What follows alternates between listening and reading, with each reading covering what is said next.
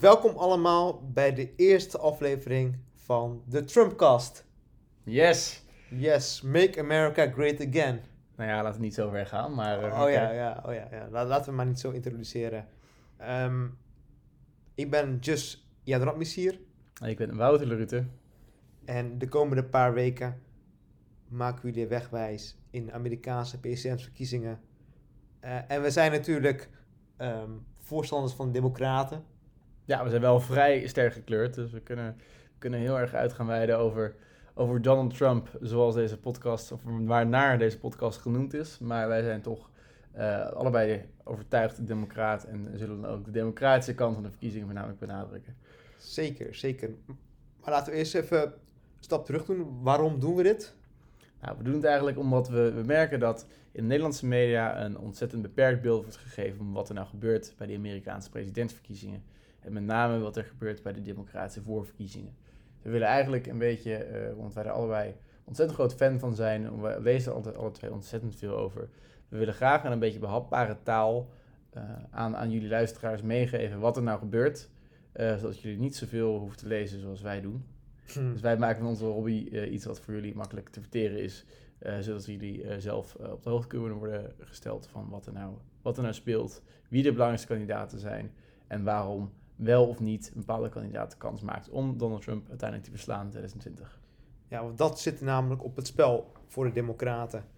Wordt het nou weer vier jaar lang Trump? Of komt het uiteindelijk vanuit de Democratische hoek een kandidaat die Donald Trump kan verslaan? We gaan nog eerst even een stap terug doen met hoe het precies in elkaar steekt qua Amerikaanse verkiezingen. Want in tegenstelling tot een referendum waarbij het gaat om eh, de meeste stemmen wint, gaat in het Amerikaanse systeem om kiesmannen. In totaal zijn er 538 kiesmannen, oftewel gedelegeerden, te verdelen onder de verschillende kandidaten. Eh, in dit geval eh, gaat het om de twee grote partijen, vanuit de Democraten en de Republikeinen. Ehm, Amerika heeft in totaal 50 staten en elk van deze staten levert een aantal kiesmannen aan, oftewel een electoraat. Ehm, het aantal kiesmannen wat een staat uitlevert is afhankelijk van ehm, de grootte van de staat. Dus hoeveel inwoners heeft een staat. Ehm, en uiteindelijk gaat het er ook om dat degene die in een staat wint, uiteindelijk ook alle kiesmannen meeneemt. wat weer bij elkaar wordt opgeteld en wordt gedeeld door het totaal te verdelen kiesmannen, namelijk 538. Dus de grote staten zijn in dit geval Texas en Californië. Ehm, die leveren respectievelijk rond de 55 en eh, rond de 30 kiesmannen aan. Eh, en wat, wat kleinere staten, zoals Maine ehm, Iowa. en Iowa, die leveren minder, minder eh, kiesmannen aan. Uiteindelijk gaat het dus gewoon om eh, dat degene die dus het meeste kiesmannen weet te verzamelen, de presidentsverkiezingen wint. Eh, en daarbij inderdaad, zoals uh, Just al aangaf, is het eh, de winner takes all. Dus eh, degene die eh, één stem meer dan de andere heeft, die wint de gehele staat. Ja. Eh, en dus gewoon al de kiesmannen. Dus die zo'n kiesmannen gaat dus voornamelijk om eh, inwoneraantal, maar er zit een bepaalde correctiefactor in dat ervoor zorgt dat het niet alleen maar op inwoneraantal gaat. Anders zou Californië buitensporig veel macht hebben ten opzichte van de kleinere staat. Dus er zit een kleine, kleine eh, ja, reparatiesleutel in, zeg maar. Dus uiteindelijk, uiteindelijk eh, zal dat zogenaamd tot een eerlijk proces eh, leiden. Ehm, maar daar zijn niet iedereen, is niet iedereen het over eens of dat nog steeds een, een up-to-date verkiezingssysteem is. Ja, precies. Want bij, tijdens de vorige verkiezingen had Hillary Clinton meer stemmen dan Donald Trump. Ehm 3 miljoen stemmen. 3 miljoen, ja, ontzettend veel. Ehm, en in het verleden had andere democratische kandidaat Al Gore meer stemmen dan ehm voor mij was George W. Bush. George W. Bush, ja. En uiteindelijk had eh, de, pub- de Republikeinse kandidaat op dat moment eh, gewonnen op kiesmannen. Op kiesmannen, ja. En nu, en nu Trump dus weer. Ja, Eh, ehm, het, het scheelde uiteindelijk nog best wel, best wel duidelijk. Trump heeft gezegd dat het een van de grootste verkiezingsoverwinningen was ooit. Nou, dat is niet waar. Eh bij lange na niet zelfs. Maar hij heeft inderdaad wel eh, dat op vrij indrukwekkende wijze Hillary Clinton verslagen, ondanks de vele, veel meer stemmen die uiteindelijk uh, naar, naar Hillary Clinton zijn gegaan. Dus het is ook een beetje een lichte ironie in dat het hele kiesmannensysteem was bedacht om demagogen zoals Trump uh, van het presidentschap af te houden. En uiteindelijk door dit systeem juist hij aan de macht is gekomen. Ja. Uh, waar dus ook meer stemmen steeds naar voren komen of dit nog een actueel systeem is en of er niet wat aan moet veranderen. Maar tot die tijd uh, ziet, er, ziet er in ieder geval niet naar uit dat het op de korte termijn gaat veranderen. En zeker voor de verkiezingen van 2020 uh, is het nog helemaal niet aan de orde. Dus we zullen nu eventjes nog mee moeten doen wie de meeste kiesmannen gaat verzamelen. En zo ook wie op de eerste stap wie de democratische presidentskandidaatschap gaat winnen. Ja, dat is natuurlijk de hamvraag, hè? Want vanuit de Republikeinen staat al vast dat uh, Trump uh, als kandidaat naar voren wordt geschoven. Ja. Bedoel, hij is ontzettend populair op dit moment onder zijn eigen kiezers. Um, en vanuit de Democraten is er nu um, ja, toch wel het moment aangebroken om een te tegengewicht te bieden aan Donald Trump. En we gaan ook de komende paar weken, maanden tot aan de presidentsverkiezingen toe, aan toe. Um, gaan we jullie de stand van zaken meegeven hoe het er precies ervoor staat. Uh, op dit moment zijn er zes belangrijke uh, kandidaten.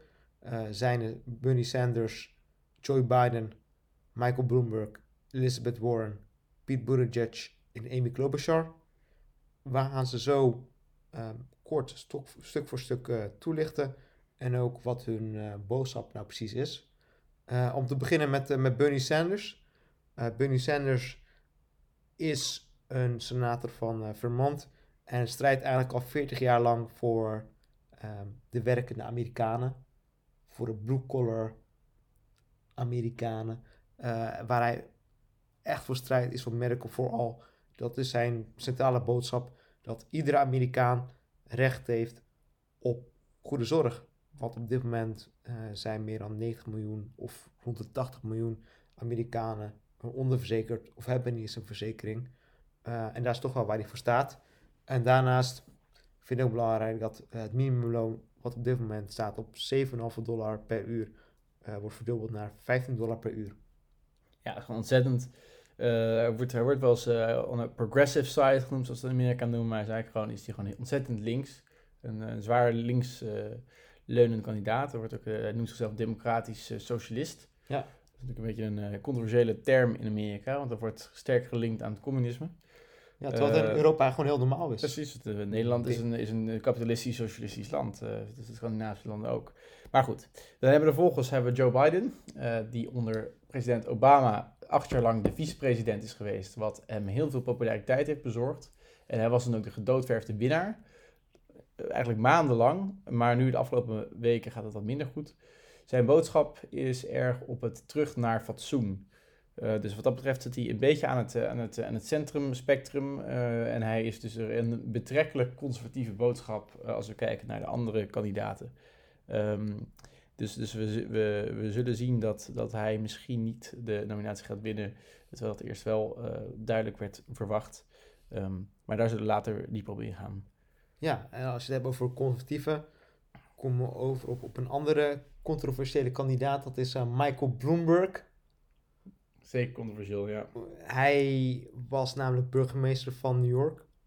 Als, als republikein. Als, als, als republikein, ja. Zo'n detail dat natuurlijk niet, niet zomaar uh, uh, ongenoemd kan blijven in, in, nee. in, dit verhaal. Want het is natuurlijk nogal, als je maar als democraat wil runnen, maar republikeinse burgemeester bent geweest, dan moet je natuurlijk even wat uitleggen. Ja, zeker. En volgens mij probeerde hij uh, ook George W. Bush destijds naar voren te schuiven als uh, republikeinse kandidaat ten koste van democraat uh, John Kerry. Um, dus dat is eigenlijk wel een saillant detail. En later is hij wel um, ja, als onafhankelijke kandidaat um, om zich lang, langzamerhand meer richting de Democratische Partij toe te voegen. Uh, met hele grote donaties aan, uh, aan de partij.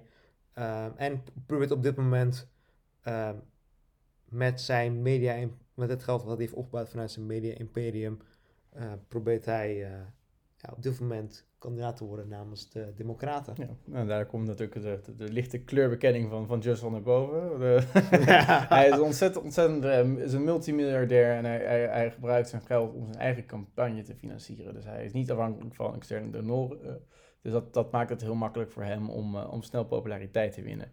Maar goed, daarover over wat het nou precies betekent, uh, zullen, we later, zullen we later op doorgaan. dan gaan we eventjes door met de eerste vrouw in het, in het rijtje. Dat is Elizabeth Warren. Zij is senator uit Massachusetts, als ik het goed heb. Um, zij is ook oud-republikein. Zij is conservatief opgegroeid, maar zij heeft jaren geleden al de stap gemaakt naar de Democratische Partij. Omdat zij vanuit haar beroep als hoogleraar in de, in de rechten aan Harvard. heeft, zij, heeft zij een ander gevoel van rechtvaardigheid ontwikkeld. En zit zij nu een beetje aan dezelfde, in hetzelfde spectrum als Bernie Sanders. Namelijk als een hele linkse kandidaat die drastisch de, de, de, de, de, economische goederen van de welvaart in Amerika wil herverdelen. Dus zij, zij, zowel zij als Bernie Sanders willen eigenlijk het huidige kapitalistische systeem een beetje op de schop gooien. En dan hebben we de tweede vrouw, is Amy Klobuchar, senator uit Minnesota. Dus dat is een beetje een, een, beetje een boerenstaat in het, in het Midwest van Amerika. Dat is een beetje het achtergestelde gebieden. En zij is ook een, een vrij sterke centrumkandidaat. Um, en probeert zich erg te onderscheiden op het, op het feit dat zij, dat zij weet hoe het is om in de achterstelde staten te, te, te, te wonen. Dus geen elite-kandidaat. Niet iemand die alleen maar uit het geld komt, maar juist heel erg kan identificeren met de gewone centrumstemmer. dan hebben we nog wel één, één kandidaat over. Wil jij, dat, uh, wil jij hem introduceren, Just? Of, Het is jouw favoriet, hè? Ja, het is mijn favoriet. Het is Pete Buttigieg is, uh, is oud-burgemeester van een uh, klein stadje South Bend in Indiana. Wat ook een uh, Midwest-staat is. Dus is ook wat, een wat, wat traditionelere omgeving. Um, wat deze kandidaat anders maakt. Amy Klobuchar is ook niet zo heel oud. Die is, van mijn jaar 53. Terwijl de rest van de kandidaten zwaar in de 70 is allemaal. Maar Pete Buttigieg is 37. Um, en hij is homoseksueel. Wat uh, ook natuurlijk een vrij, vrij heftige, heftige ontwikkeling is in, uh, in Amerika. Als je openlijk uh, homoseksueel bent, is dat, kan, dat, kan dat jouw carrière nog steeds behoorlijk schaden. Dat, ja, dat zijn helaas wel. En zo ook is de vraag of dit uiteindelijk niet zijn, zijn, zijn, zijn gooi naar het presidentschap niet ontzettend kan, kan schaden. Maar goed, dat, dat, dat zal de tijd leren of dat een, of dat een probleem wordt. Hij zit ook wat, een beetje aan de centrumkant, maar wel, maar wel iets linkser dan een, Joe Biden of een, of een Klobuchar. Um, dus, maar hij heeft wel dan weer vrij veel connecties met, met Wall Street bijvoorbeeld, waar hij uh, altijd nog wel nog een, een doorn in het oog kan zijn. Ja, dat is even een korte samenvatting van de zes belangrijkste kandidaten. Um, we hebben nog een extra kandidaat die uh, toch wel meer een rebel is. Ja, en jouw persoonlijke favoriet, uh, Just? Dus dat, is, uh... dat is meer mijn persoonlijke favoriet. Dat is Tulsi Gabbard. op dit moment heeft ze weinig... Um, ja, staat ze niet echt heel goed voor in de polls. Um, maar je kan het vergelijken wat betreft standpunten met, met Bernie Sanders. Uh, ieder geval als allerbelangrijkste punt heeft omdat ze oorlogsveteraan is geweest. Um, of hij nog steeds is heeft ze in ieder geval een hele sterke anti-oorlog boodschap. Uh, wat toch weer een doorn in het oog is van uh, het wat meer traditionele establishment van, uh, van, van de democraten. Um, en daarnaast vindt ze ook ontzettend belangrijk dat iedere Amerikaan recht heeft op Medicare for all. Um, maar ze is toch wel ietsjes minder links in vergelijking met, met Sanders. Maar dan kunnen we op een later punt kunnen we dat nog verder, verder bespreken. Uh, want als we het hebben over wat meer progressievere hoek, we zien dat eigenlijk dat ja, in Europa toch vrij normaal is. Uh, we zien het hier dan gewoon als links. Um, het socialisme is een heel eng woord in Amerika. Uh, maar we zien eigenlijk wel dat het toch wel meer opleeft. En in 2008 kwam Obama natuurlijk als eerste progressieve kandidaat ter sprake. Met ook heel veel weerstand. Maar uiteindelijk is hij ook president geworden. Terwijl hij natuurlijk centrum links is. Hij is helemaal hij is niet zo links geweest. Ja, nee. nee. Hij is inderdaad vrij centrum links, maar hij positioneerde wel als een progressief uh, kandidaat. Uh, Trump had meer een populistischer uh, boodschap in vergelijking met ja, traditionele kandidaten.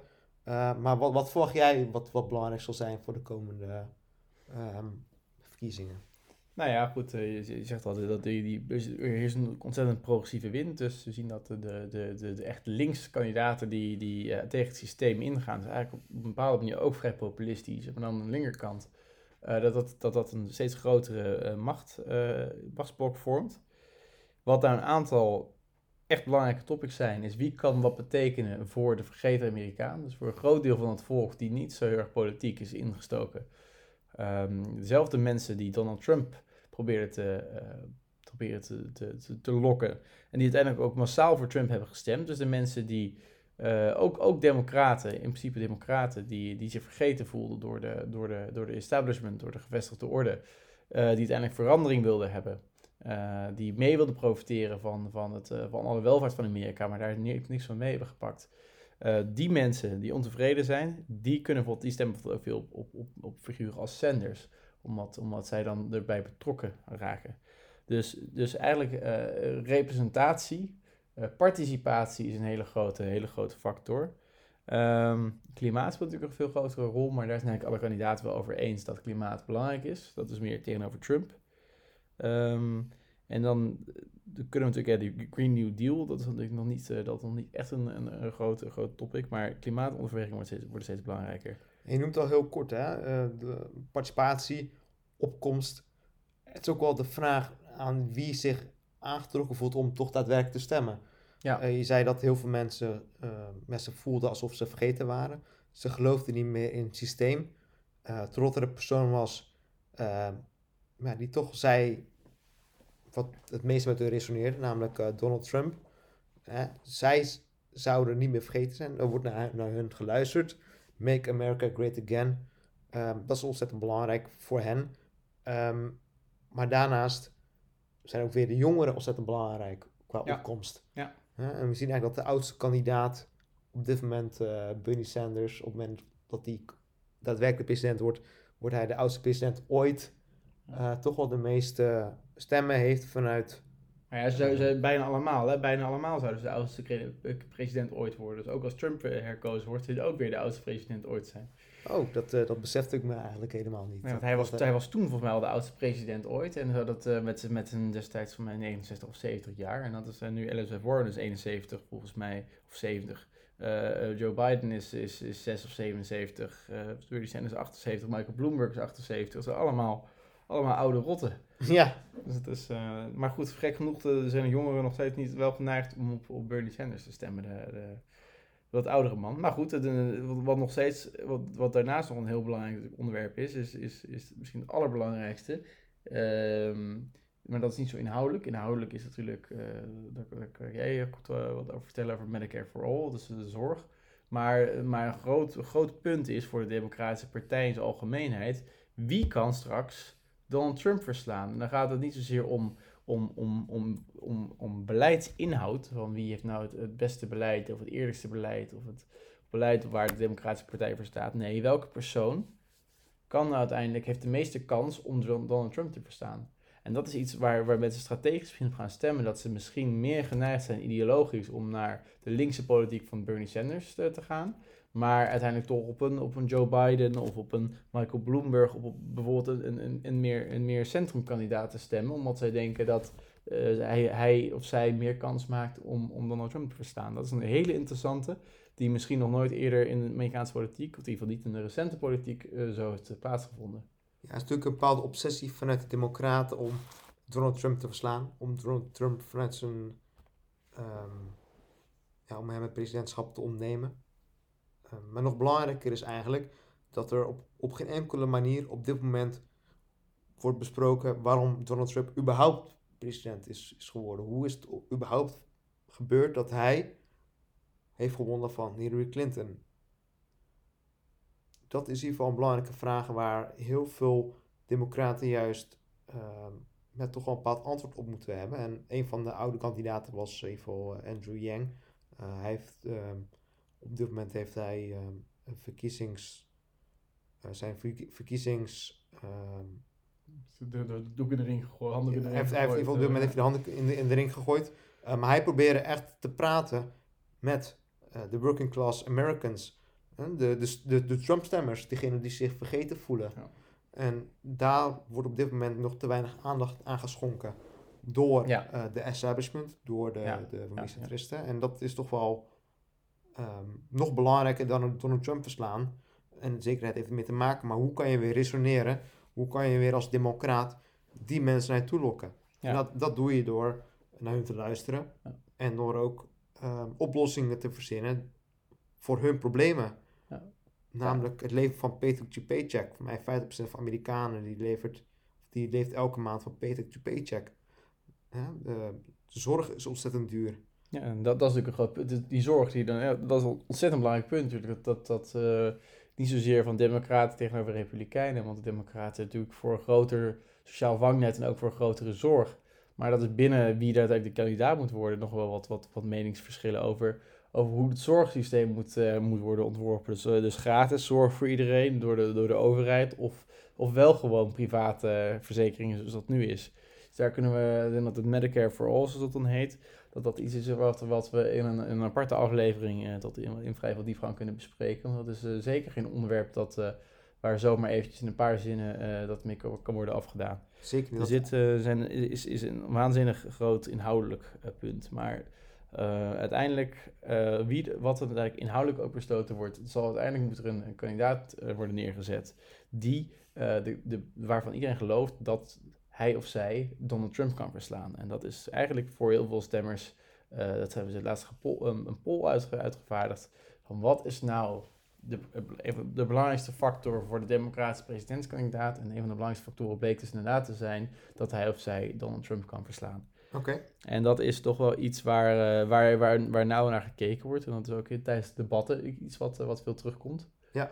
Dus eh, op, ik denk dat, dat de, de paar onderwerpen die we nu net hebben besproken, dat dat eigenlijk de grootste, de grootste pilaren zijn van wat er, wat er, wat er nu speelt.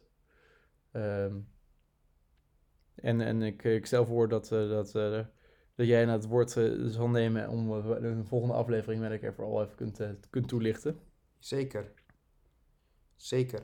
Daarnaast is het inderdaad ehm, ook wel goed om, om te, te, bekijken welke van deze kandidaten daadwerkelijk eh, tegenover Donald Trump zal staan. En dat zullen we dan ook later toelichten in de volgende podcast. Ehm, ook de, wat meer ingaan op hun, hun ideeën. Ehm, en aanstaande zaterdag is in ieder geval ook weer een, een eh, caucus, oftewel een fractievergadering, wanneer eh, leden van de Democratische Partij een voorkeur gaan aangeven voor een van de democratische kandidaten. En dat gebeurt dit keer in, eh, Nevada. Eh, volgende week is in South Carolina. Eh, en de week daarop is alweer Super Tuesday. Waarbij ehm, toch wel langs de verschillende staten, of eigenlijk de grotere staten, waarbij, zoals jij aangaf, 70% van, eh, van eh, Ze- 60 of, Ze- 60 of 70 procent van de, van de gedelegeerden wordt verdeeld. juist. Is een ontzettend grote, ontzettend belangrijke dag. eh, dat is dinsdag 3 maart, volgens mij toch? Dat, eh, of, het, of iets in hier. Ik, ik, In ik ieder ken, ik begin maart. ik ken de kalender niet zo goed in mijn hoofd. Nee, eh, maar laat ook vooral weten wat, wat jij ervan vindt. Wat wil jij allemaal horen? Ehm, want daarvoor doen we natuurlijk, we doen het ook voor jullie. Eh, we zijn natuurlijk allebei eh, gekkies als het gaat om eh, verkiezingen. Heel erg gepassioneerd over dit onderwerp. En we willen ook graag voor jullie Uren weten. over doorpraten, maar de vraag is natuurlijk of het voor jullie even interessant is. Dus we willen heel graag input over wat jullie graag willen horen. Volgende afleveringen zullen we inderdaad, zoals Just al aangaf, gaan we meer in op wat echt de standpunten zijn van de kandidaat. En daar hebben we namelijk nog wat meningsverschillen over. Welke partij of welke, welke kandidaat meer kans maakt. En, en hoe ze staan tegenover het systeem. Zijn ze establishment kandidaten of zijn het echt wat meer grassroots kandidaten die gesteund worden vanuit het volk. Nou, over dit en veel meer gaan uh, Judge en ik de volgende keer een heel erg diep met je in gesprek. Ik wil ontzettend danken voor het luisteren naar onze eerste Trumpcast. Ja, Trumpcast. En ik, uh, ik zeg uh, tot de volgende keer. Tot de volgende keer. Dankjewel.